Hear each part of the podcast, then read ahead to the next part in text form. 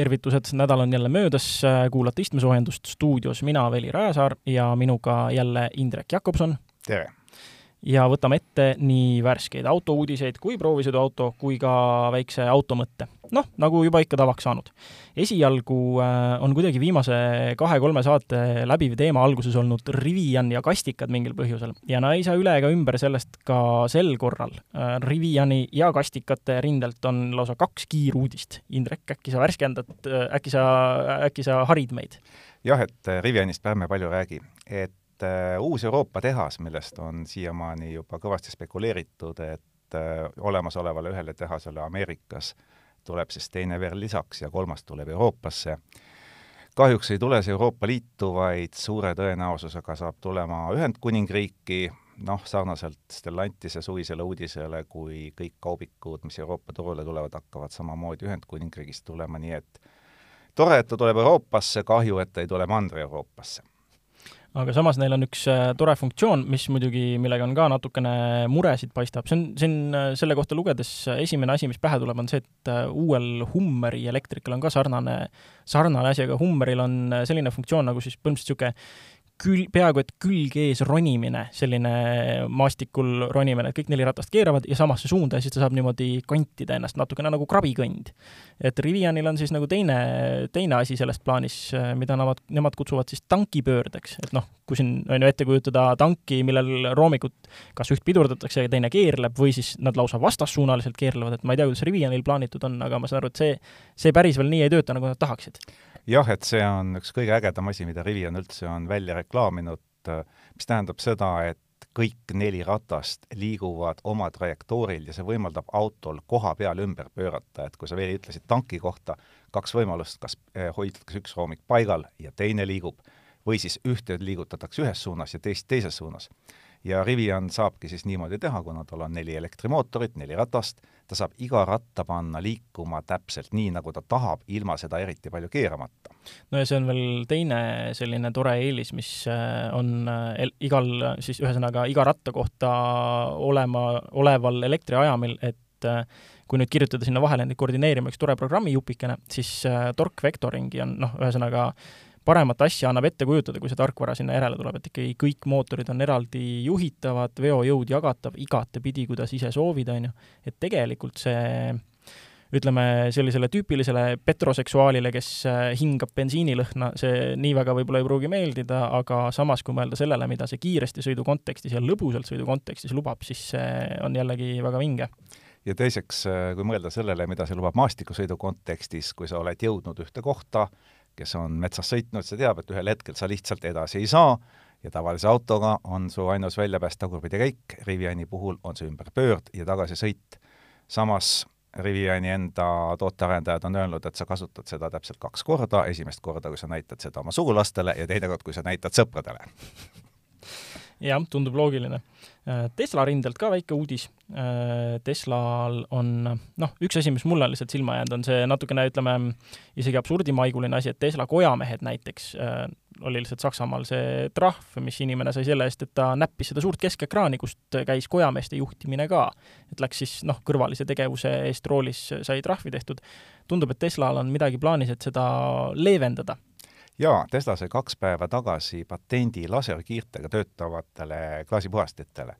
et klaasipuhastajad ju oma olemuselt on peaaegu sama vana kui auto ja erilist arengut seal ei ole olnud, nad mõjuvad kehvasti aerodünaamikale, nende mehhanism on kapriisne, sest kangi kaotus on seal väga suur, noh, ime, et nad üldse töötavad ja, ja sellisel kujul, nagu nad on ennast õigustanud, nad ei ole peaaegu sada aastat äh, edasi arenenud ja ütleme, viimased poolsada aastat ei ole seal üldse midagi juhtunud, et intervalliga kojamehed äh, tulid tootmisse juba kuuekümnendate keskel, Ford oli esimene ja nüüd on meil aasta kaks tuhat kakskümmend üks, nii et ilmselgelt on aeg innovatsiooniks käes.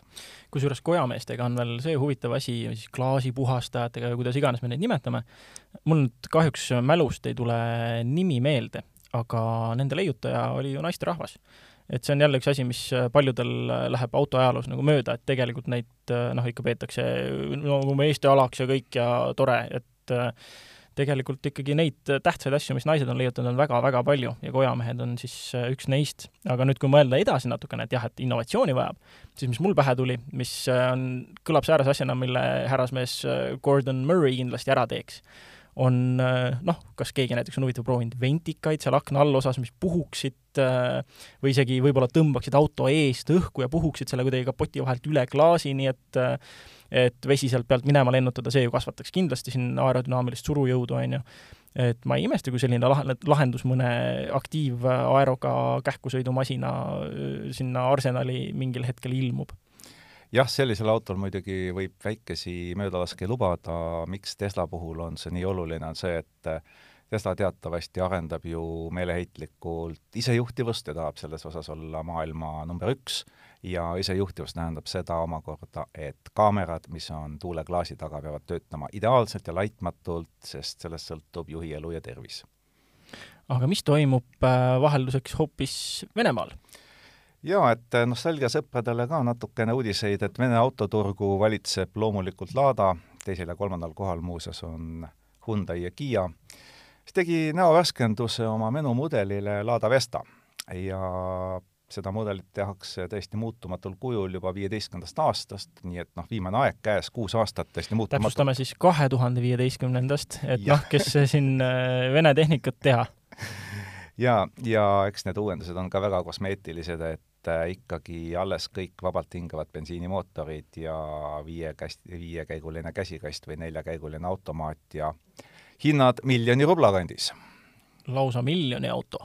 nojah, kaksteist tuhat eurot pisut rohkem või pisut vähem. Aga mis selle masina puhul tore tundub, on see, et me muudkui siin, kes iganes parasjagu minuga üle laua siin kaassaatejuhiks ei ole, üldjuhul käib undamine ja vingumine selle üle, kuidas analoog-autod on surnud ja juhiabid võtavad üle ja midagi juht enam ise teha ei saa ja muudkui mässitakse meid siin tead vati sisse ja talutatakse käe kõrval ja potitatakse, pissitatakse ja kõik muud asjad et tundub, et vähemasti selle masina näol on tegu siis sellise autoga, mis, mis ei võta sind niimoodi käe kõrvale ja ei, ei mässi sind pehmete patjade sisse.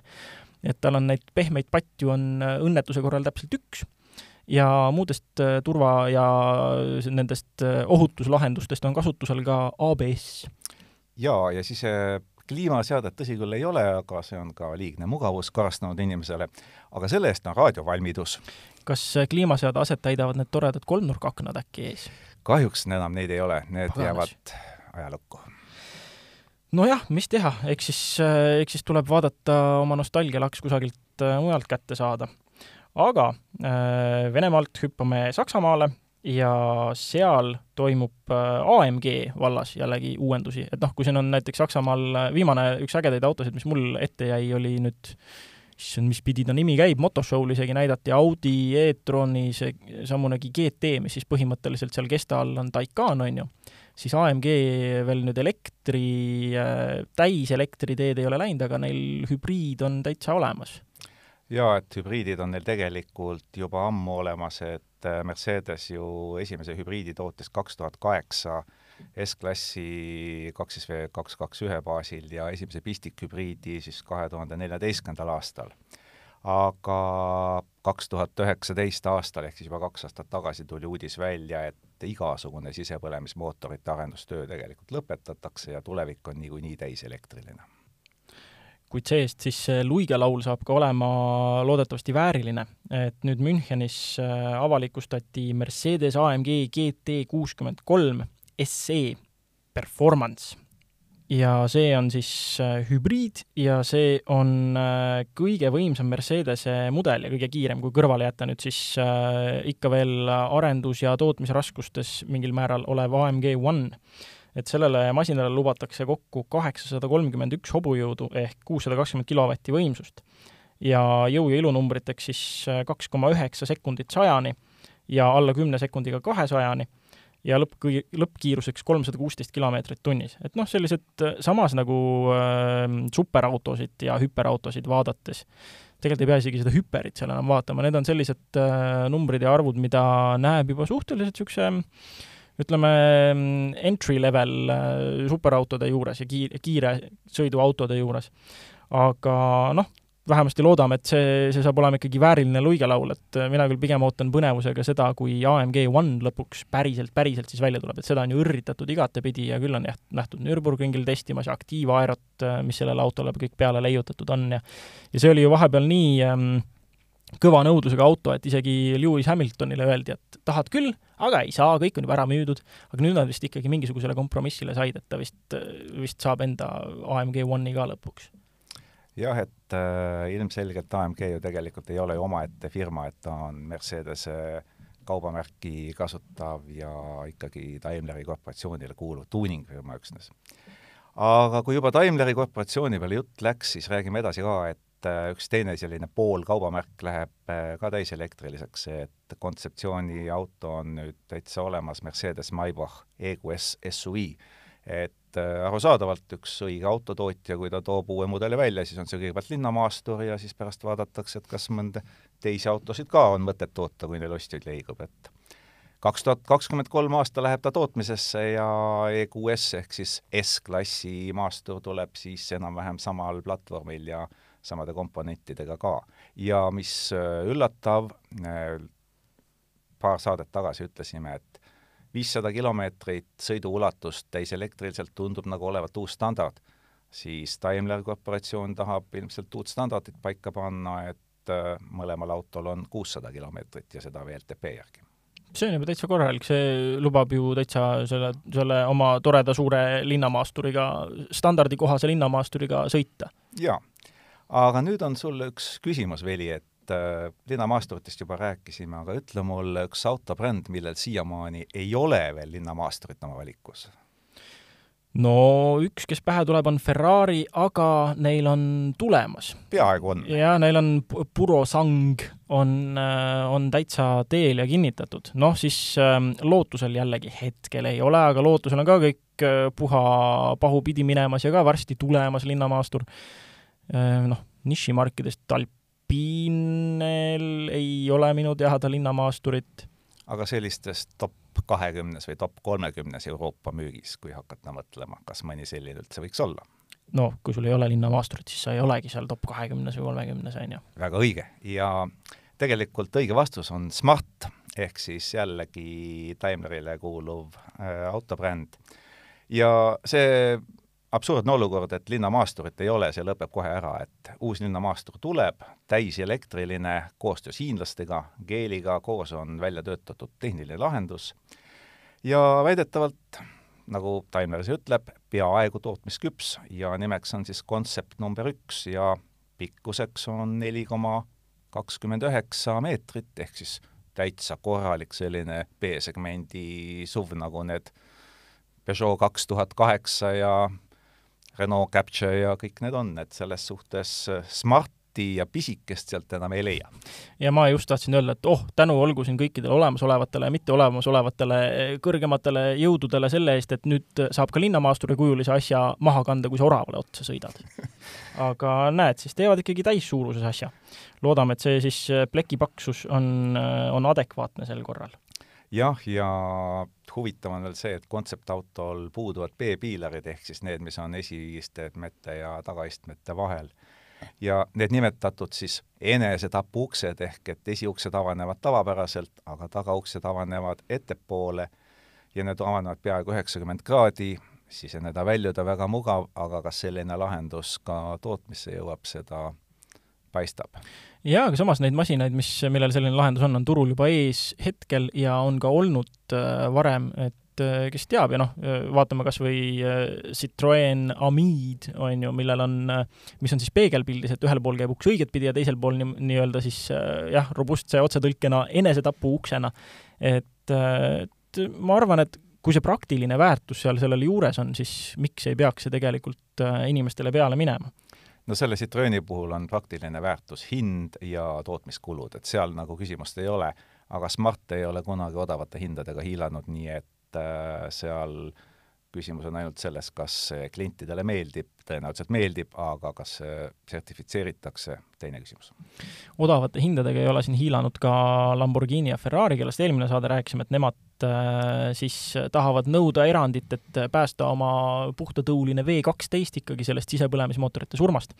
aga nüüd on tšehhid läinud äh, veel sammu kaugemale, aga noh, äh, nüüd ma ei teagi, mis sa arvad, kas see on siis siin päris selline, ütleme, siiras või on seal taga mingisugune poliitiline motiiv? jah, et see on siis meie saate poliitikauudis, et äh, Tšehhi Vabariigi peaminister Andrzej Babis on öelnud avalikult välja, et kaitseb riigi võtmetähtsusega autotööstust ja kavatseb vaidlustada Euroopa Liidu ettepaneku Fit for fifty five. ja ta on seda otse välja öelnud, et me ei nõustu fossiilkütusel autode, töötavate autode müügikeeluga ja otse tsiteerides, see pole võimalik, me ei saa siin dikteerida, mida rohelised fanaatikud Euroopa Parlamendis välja mõtlesid äh, samas vaatame nüüd äh, nende roheliste fanaatikute noh, ütleme autosid, mis neile võiksid meeldida, siis äh, Müncheni autonäitusel oli üks masin, mis kuidagi ei olegi väga palju selle kohta midagi näinud, aga sulle jäi silma? jaa, kui ma nägin seda, siis see oli auto, mille kohta ma ütlesin endamisi, et see on täiesti crazy asi, aga ta on sigalahe ja ilmselt ka praktiline. et äh, Isetta is back, et kes mäletab ajaloost, siis äh, rasketel sõjajärgsetel aastatel BMW ei tootnud sugugi mitte seitsmenda seeria kuuemeetrisi limusiine, vaid jäi ellu tänu sellele, et toodeti hästi lihtsaid kahekohalisi ettepoole avaneva uksega autosid, noh, mida oli autoks nüüd raske nimetada, aga sõjajärgne aeg, vaene ja rahvas oli vaja ratastele tõsta ja seda funktsiooni täitis ta imehästi. ja nüüd on äh, ah, ajalugu kusjuures vahele põige, seesama BMW Isetta, äh, mida sa mainisid, äh, väga paljud peavad seda kolmerattaliseks autoks, kas sa teadsid, et tegelikult see on neljarattaline? ei teadnud.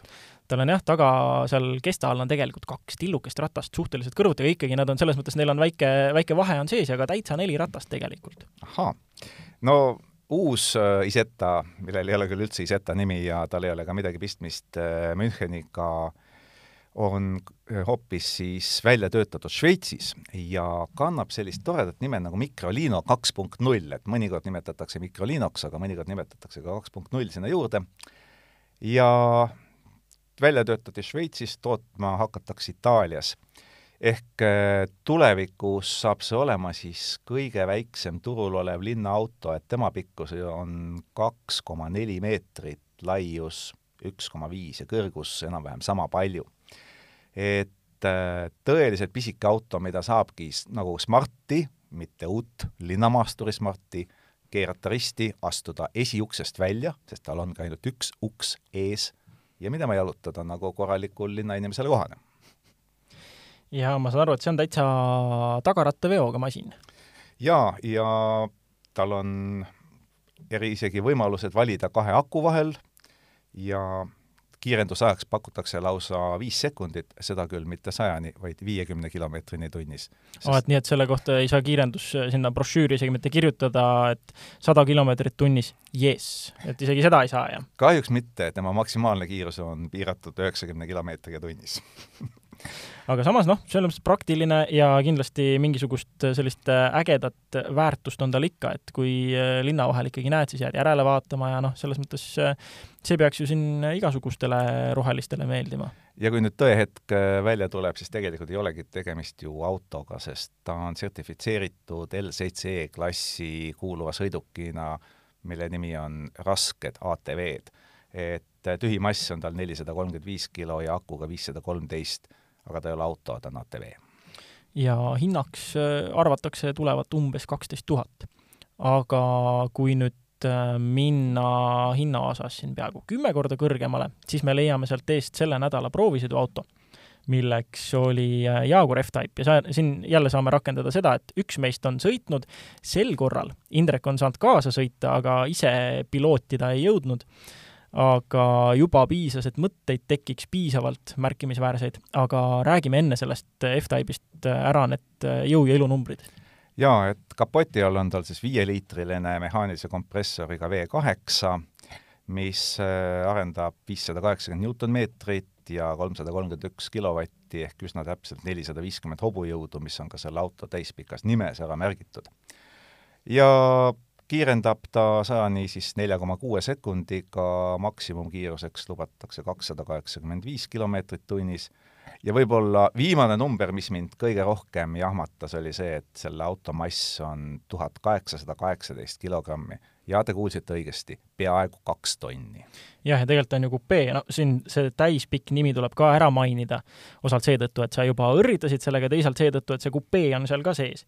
täispikk nimi on siis, äh, koosneb tervenisti kolmekümne ühest tähest ja numbrist ja see on Jaguar, F-Type, kupee, R-Dynamic, P nelisada viiskümmend, AVD nii et ta on ka nelikveoline ja see osalt seletab seda lisandunud massi. aga huvitav ongi jah see, et ta, ta kaalub tegelikult nii palju ja noh, äh, seal sees istudes on tõesti niisugune tunne, et päris suur auto ja kuidagi lahmakas, kapott on hästi suur ees, on ju, aga samas, kui ma parkisin ta maja ette, vaatasin kolmandalt korruselt aknast välja, siis teiste siin vanemate ja väiksemate autode kõrval, no paganas, ei ole nii palju suurem. suhteliselt sarnaste mõõtudega. et kuhu nad on suutnud siis toppida selle kõik, mis nii palju kaalub? jah, seda üllatavam on see, et sellel autol on pakiruum täitsa olemas, see mahutab viissada üheksa liitrit, mis äh, aastat viiskümmend tagasi oleks olnud väga soliidne universaali mõõt, aga tänapäeval loomulikult äh, loetakse seda paariks spordikoti golfikomplekt või midagi juurde ja. veel, jah. hindade mõttes äh, hinnad küll algavad isegi natuke alla kuuekümne viiest tuhandest, aga selle konkreetse masina hind oli siis kogu, kõigi lisadega sada üheksa tuhat. päris korralik juba.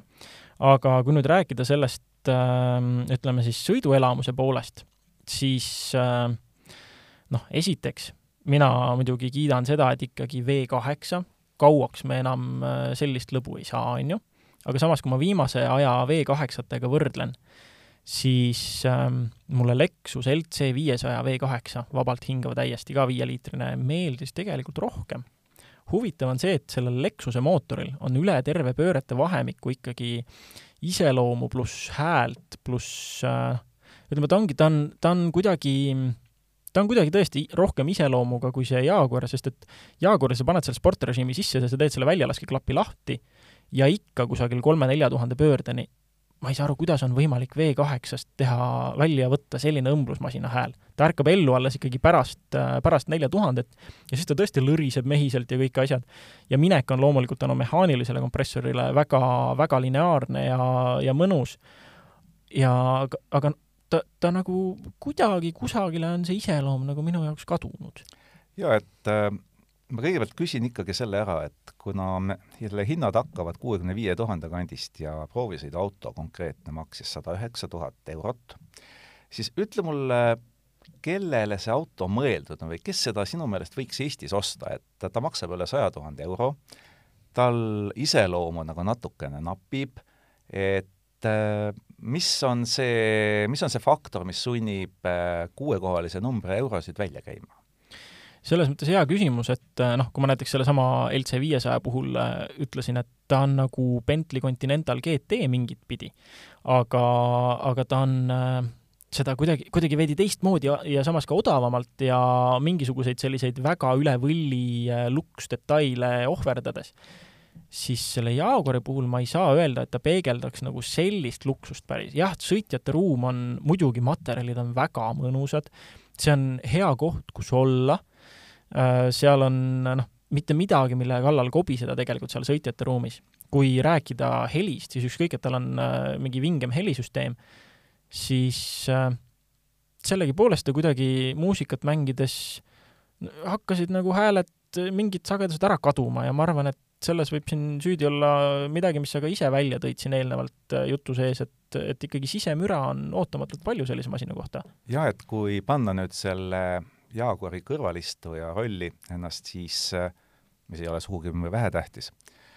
esimene asi, mis äh, häirib loomulikult, on rehvimüra, et selle hinnaklassi juures võiks seda tunduvalt vähem olla, et okei okay,, ma saan aru, V8 häält tahetakse sisse tuua, et võib-olla sellepärast on ka õigustatud väike kokkuhoid, aga samas rehvimüra on ju põhiline müraallikas alati, et äh, see oleks võinud olla tunduvalt vaiksem. ja teine asi, mis tegelikult, kui sa ütled, mis on puudu, praktilisus on sellel autol noh, null, ütleme otsesest. kui sa istud sisse, siis sul ei ole isegi oma arvutikotti kuhugi panna jah, noh, võib-olla tõesti sa saaksid selle panna seal kusagile, ma ei tea, istme seljatoe taha või kuskile, aga jah, tõsi, kogu aeg peab sinna pagasiruumi ikkagi ronima, et seal asju ära panna. jah, et kas sa kujutad ette, et äh, sa võtad äh, kuuekohalise numbri eurosid maksva autoga kellegi peale, siis ütled, oota, ma teen pagasiruumi lahti, sidu arvutikott ei mahu mul salongi ära. Ja siis paned selle kinni, ronid tagasi. Jah, samas sellega on see, et ma, ma samas ei tunne, et see on auto, mille puhul muidugi noh, seda praktilisust nii, nii hullult äh, peaks argumendina võtma.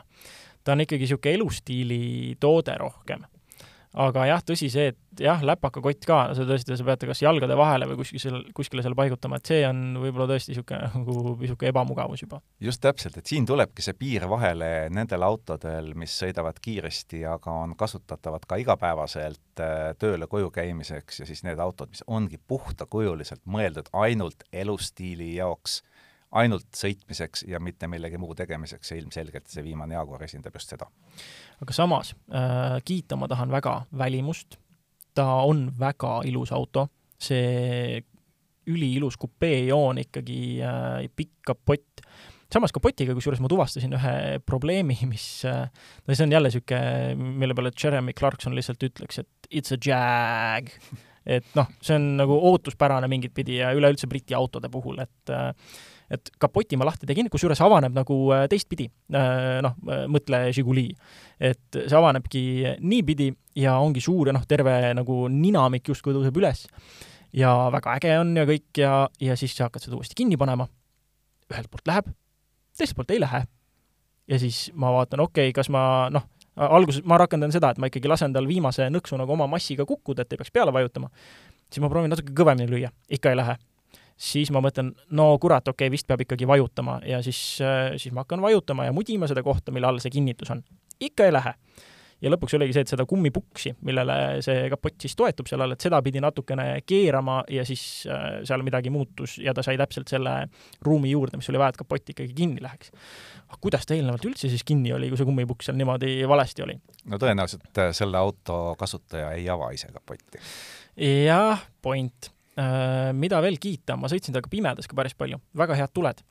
ja mida veel kiita, äh, siin tuleb nüüd natukene mm, võtta ja selles võtmes läheneda, et need inimesed, kellega, kellele ma selle autoga sõitu tegin, kes said kõrval istuda, nemad olid ikkagi väga võlutud ja noh, nad ei olnud ka siin, ütleme nii-öelda, nii-öelda suvalised, vaid täiesti autoinimesed. et, äh, et nemad olid ikkagi võlutud sellest, mis häält see kõrgetel pööretel teeb, kuidas ta edasi läheb, et noh, see, see hästi lineaarne tõmme igast asendist, et äh, ma isegi vaatasin, et mingisugused linnas on, leiad mõne koha peal selliseid pikemaid äh, lamavaid politseinikke, on ju, vabandust, teekünniseid. ja noh, sellised pikad, noh, mis nad siis on, mingisugune kolmkümmend, nelikümmend meetrit üle mingi ristmiku enam-vähem. ja ongi nii, et võtad kiiruse maha, ronid sinna supsti peale ja kui siis lapatsi põhja vajutad, siis selleks hetkeks, kui sa pead uuesti maha pidurdama, et teiselt poolt künniselt maha sõita, on sul juba rohkem kui lubatud linnakiirus sees. et selles mõttes see tõmme ikkagi äh, noh, võib-olla ma olen siin tõesti lihtsalt ära hellitatud selles osas sellise tõmbeautode puhul, et äh, mis nelisada viiskümmend hobust, mis see siis ära ei ole. kuigi tegelikult see on ikkagi paljudele paljudele väga meeldib. ja nii raske masina kohta ta püsib kurvides väga kenasti maas ja selline, ütleme, hüpitav pinnas ei ole väga karistav temaga. ainuke asi, mis on äh, selle vedrustuse puhul, on see, et mis on pisut kehvasti, et tagumine ots on veidi liiga jäik. et äh, tundub, et mis, mis ta nagu niimoodi hüppama või rappuma paneb, on siis äh, tagumiste amortide liiga kiire tagasilöögikiirus. et, et lihtsalt on see, et sa lähed ka üle sellise tavalise künnise. esiotsaga on hästi, sest mootori raskus on peal, aga taga ta ikkagi hüpitab sind aga samas, kui istuda kõrval ja oodata niimoodi, et nüüd sõitsime üle trammitee, nüüd sõitsime üle teekünnise, et mis siis nüüd juhtuma hakkab, tegelikult ei juhtu midagi, et see stabiilsus ja sujuvus, no ma ootasin tunduvalt jäigemat vedostust. see saab päris mõnus olla mm. -hmm. ja üks asi, mis jällegi läheb võib-olla pisut äh, kriitika suunda, on see, et see nelikvedu ikkagi.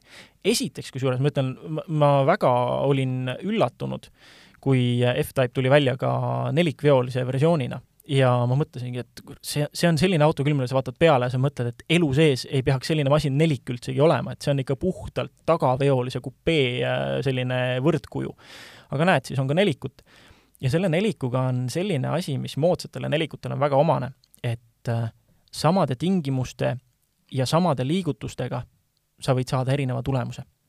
et äh, oli vihmane ilm ja ilma mingisuguse rehvi kuluta proovisin natuke, kuidas see nelik siis libistades on ja iga kord äh, jällegi sama alg-, sama lähtepunkt äh, ja tingimused ei muutunud, vihma juurde ei sadanud, midagi ei muutunud, iga kord mingisugune natukene erinev tulemus. esirattad liituvad peoga väga nagu ootamatutel hetkedel ja ei kipu nagu päris täpselt aru saama, et mis nad peaksid tegema, kas sirgeks tõmbama või liugu pikendama, et äh, jällegi see on sellise, selline moodsa neliku probleem natukene, et ta nagu justkui kakleks pisut iseendaga. jah, et äh, ühest küljest äh, loomulikult nelikvedu pühaduse teotus Porsche jaoks enam keegi ei üllata, kui Porsche on nelikveoline. Aga samas, kui sa kirjeldad sellist erinevat käitumist, siis kinnistab seda mõtet, et see ongi auto, auto, mis on mõeldud juhile ja see auto natuke kipub ise mõtlema ja ise käituma nii, nagu ta parasjagu heaks arvab ja see on võib-olla väikene osake Briti huumorit, mis sellesse autosse on peidetud. jah, et, et laias laastus ma jah, jään siin sellise, ütleme, keskmisele seisukohale, et paketina on ta, ta on väga tore ja väga ilus ja ta annab seda emotsiooni küll aga sellisele sõidupuristile on ta jah, noh, ilmselgelt jällegi sõidupurist juba, juba pikemat aega vaatab vanemate autode poole, on ju. aga nii mõnigi autoajakirjanik tutvusringkonnas vaatab ja kusjuures huvitaval kombel vaatabki vanemate Jaguaride poole, et sealt seda V8-t ja seda iseloomu leida. et päris mitmed on siin äh, Äh, ütleme, viimase aasta jooksul Jaguaridesse armunud. aga, aga jah, selle masina puhul ütleme, mina sellist äh, ülepeakaela armumist kuidagi ikkagi ei, ei tundnud, et äh, neid sportkupeesid, kahekohalisi sellise võrreldava võimsusega ja V8-ga on, on paraku ka paremaid.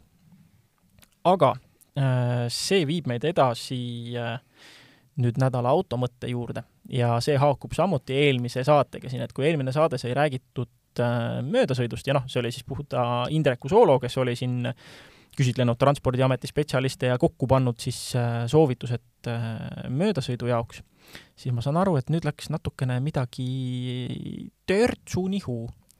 ei läinud nihu, lihtsalt kehtib reegel, et käige minu sõnade, mitte minu tegude järgi. ehk et äh, üle mitme-setme aasta õnnestus jälle politseiauto tagaistet väisata. ja noh, ilmselgelt on tegu karmaga, sest äh, kes käskis siis eelmisel saatel öelda, et möödasõidul ei tohi kiirust ületada. Pärnu maanteel sirge tee, äh, hea nähtavus, kuiv asfalt, ees liigub matkabuss, piisavalt suur, alla üheksakümne, niimoodi kaheksakümne viiega, noh, arusaadavalt sõidad mööda sõidad kiiremini mööda kui lubatud ja otse politseiauto kaamerasse. ja ega seal midagi vaielda ei olnud, eks äh, rikkumine on rikkumine, aga milles äh, selle rikkumise mõte, on selles, et äh, kutsuti siis politseiautosse ja mis siis juhtuma hakkab? autos on kaks politseinikku ja veerand tunni jooksul, mida nad teevad? Nad peaasjalikult täidavad pabereid ja nad kirjutavad paberitele neid andmeid, mida nad ekraanilt näevad. Nad küsivad sinu auto kohta ja nad vaatavad seda samal ajal ekraanilt, nad küsivad andmeid sinu kohta ja nad vaatavad neid andmeid sinu ekraanilt. ja sellele kulus umbes veerand tundi, ma ei võtnud kella pealt aega. Okei okay,, mina istusin tagaistmel, mina olin pahandust teinud, loogiline. aga selle veerand tunni jooksul need politseinikud ei saanud ju teha mitte midagi muud kasulikku, ehk nad ei saanud tegeleda oma põhitööga, milleks on liiklusohutuse tagamine. ja meie mõte, auto mõte on see, et äh, kui oled pahandust teinud, siis küsitakse esimese asjana, et kas sa tahad kiirmenetlust või sa tahad siis menetlust, mille puhul tuleb minna hiljem vastuseid andma siis juba liikluspolitseisse koha peale, aga miks nüüd ei või küsida, et kas sa tahad elektroonilist kas menetlust? e-menetlust, jah? jah, nagu kaameratrahvi puhul on see ju võimalik. sa saad oma trahvi kätte oma pahanduse eest ja kui sa tahad seda vaidlustada, on sul neliteist päeva aega ja miks ei võiks see protsess olla analoogiline, et ma saan aru, et kui tahetakse kasutada rahunemispeatust, siis see on omaette äh, karistus ja õigupoolest ei ole karistust, on hoiatus, see on väga tore, aga kui lihtsalt politseinikud kulutavad aega paberite täitmiseks, siis mul tekib küsimus, et kas meie e-tiiger võiks nüüd äh, lonkamise ära lõpetada ja ühe väikse hüppe veel teha. ja ma lisan nädala auto mõttele täiesti teisest valdkonnast äh, jälle ühe mõtte, mis tekkis täna liikluses, kuivõrd äh, nägin pealt külje pealt sissesõitu, kaks autot eespool, noh, ma olin Nõmme mäe peal, seal on väga tihti see, et kui sa ootad seda vasakpööret alla mööda seda mäge, siis foori taga on nii, et vasakpool, vasakpöörde rajale koguneb ummik ja parem rada on äh, suhteliselt vaba, aga seal on hästi palju kõrvaltänavaid, on ju. ja väga tihti on see, et kes vastu tulevad, tahavad ummiku vahelt läbi keerata ja mõnda sinna tänavasse minna.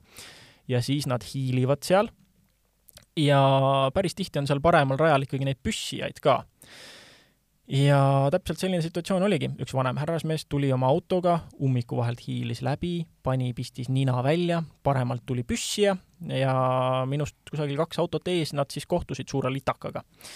ja no ikka niimoodi, et sellel püssijal oli, äh, oli turvapadi lahti ja niisugune segaduses nägu peas, et mis nüüd kõik juhtus siis just, ja vanem härrasmees tuli ka autost välja ja noh, et oli selles mõttes noh, kõik elus terved, aga siin jällegi see moraal selle juures, lisaks äh, juba sellele nii-öelda standardsele ärge püssige, arvestage sellega, et sealt vahelt võib keegi piiluda ja tulla, on tegelikult jälle üks vorm liiklusviisakust, mida ma mõnikord olen ka rakendanud, on see, et kui ma passin seal ummikus, noh, esiteks ma jätan need vahekohad lahti, et äh, saaksid inimesed tulla ja sinna väikestele tänavatele minna, ja teine asi on see, et kui nad hakkavad vahele tulema, ma veendun, et mul on nendega silmside, kui mina olen see nii-öelda vastutav, see esimene auto, kelle nina eest läbi minnakse, siis mina näitan neile käega et mina näen ju peeglist, kas mul keegi tuleb, kas ta tuleb mingi lennuga või mitte, ma näitan neile, mis iganes, vilgutan neile, et nad äh, saaksid tähelepanu, et, et oleks, et nad näeksid mind ja siis ma näitan neile, kas nad võivad minna või ei või. ja see on jumala hästi toiminud. et äh, ja noh, täna ka ma täpselt enne, kui see litakas juhtus, ma nägin, et keegi hakkab vahele hiilima, äh, ma nägin peeglist, et paremalt keegi lendab, ja mul oli aken kinni, kurat, ma mõtlesin, kas ma jõudsin mõelda, et ma peaks käe välja pistma ja lihtsalt näitama käega nagu allapoole, et noh, et kiirus allapoole või mis iganes, vehkima. aga ma ei jõudnud seda teha, ma jõudsin omaette kõvasti äh, ühe roppuse väl-, väljutada ja siis käis litakas eespool. et, äh, et ei jõudnud, et jällegi see nagu juhtidevaheline suhtlus mingit pidi, see on, see on jälle üks asi, mis, mis ma loodan, et, äh, et kuulajatele võib-olla meelde jääb, et kui te olete selles situatsioonis, proovige rakendada seda suht-, suhtlemist, sellepärast et siis on võimalik mõni selline õnnetus ära hoida. voh, aga see on selleks äh, korraks meie poolt jälle kõik. loodetavasti järgmisel nädalal kuuleme jälle, aitäh! Kuulmiseni!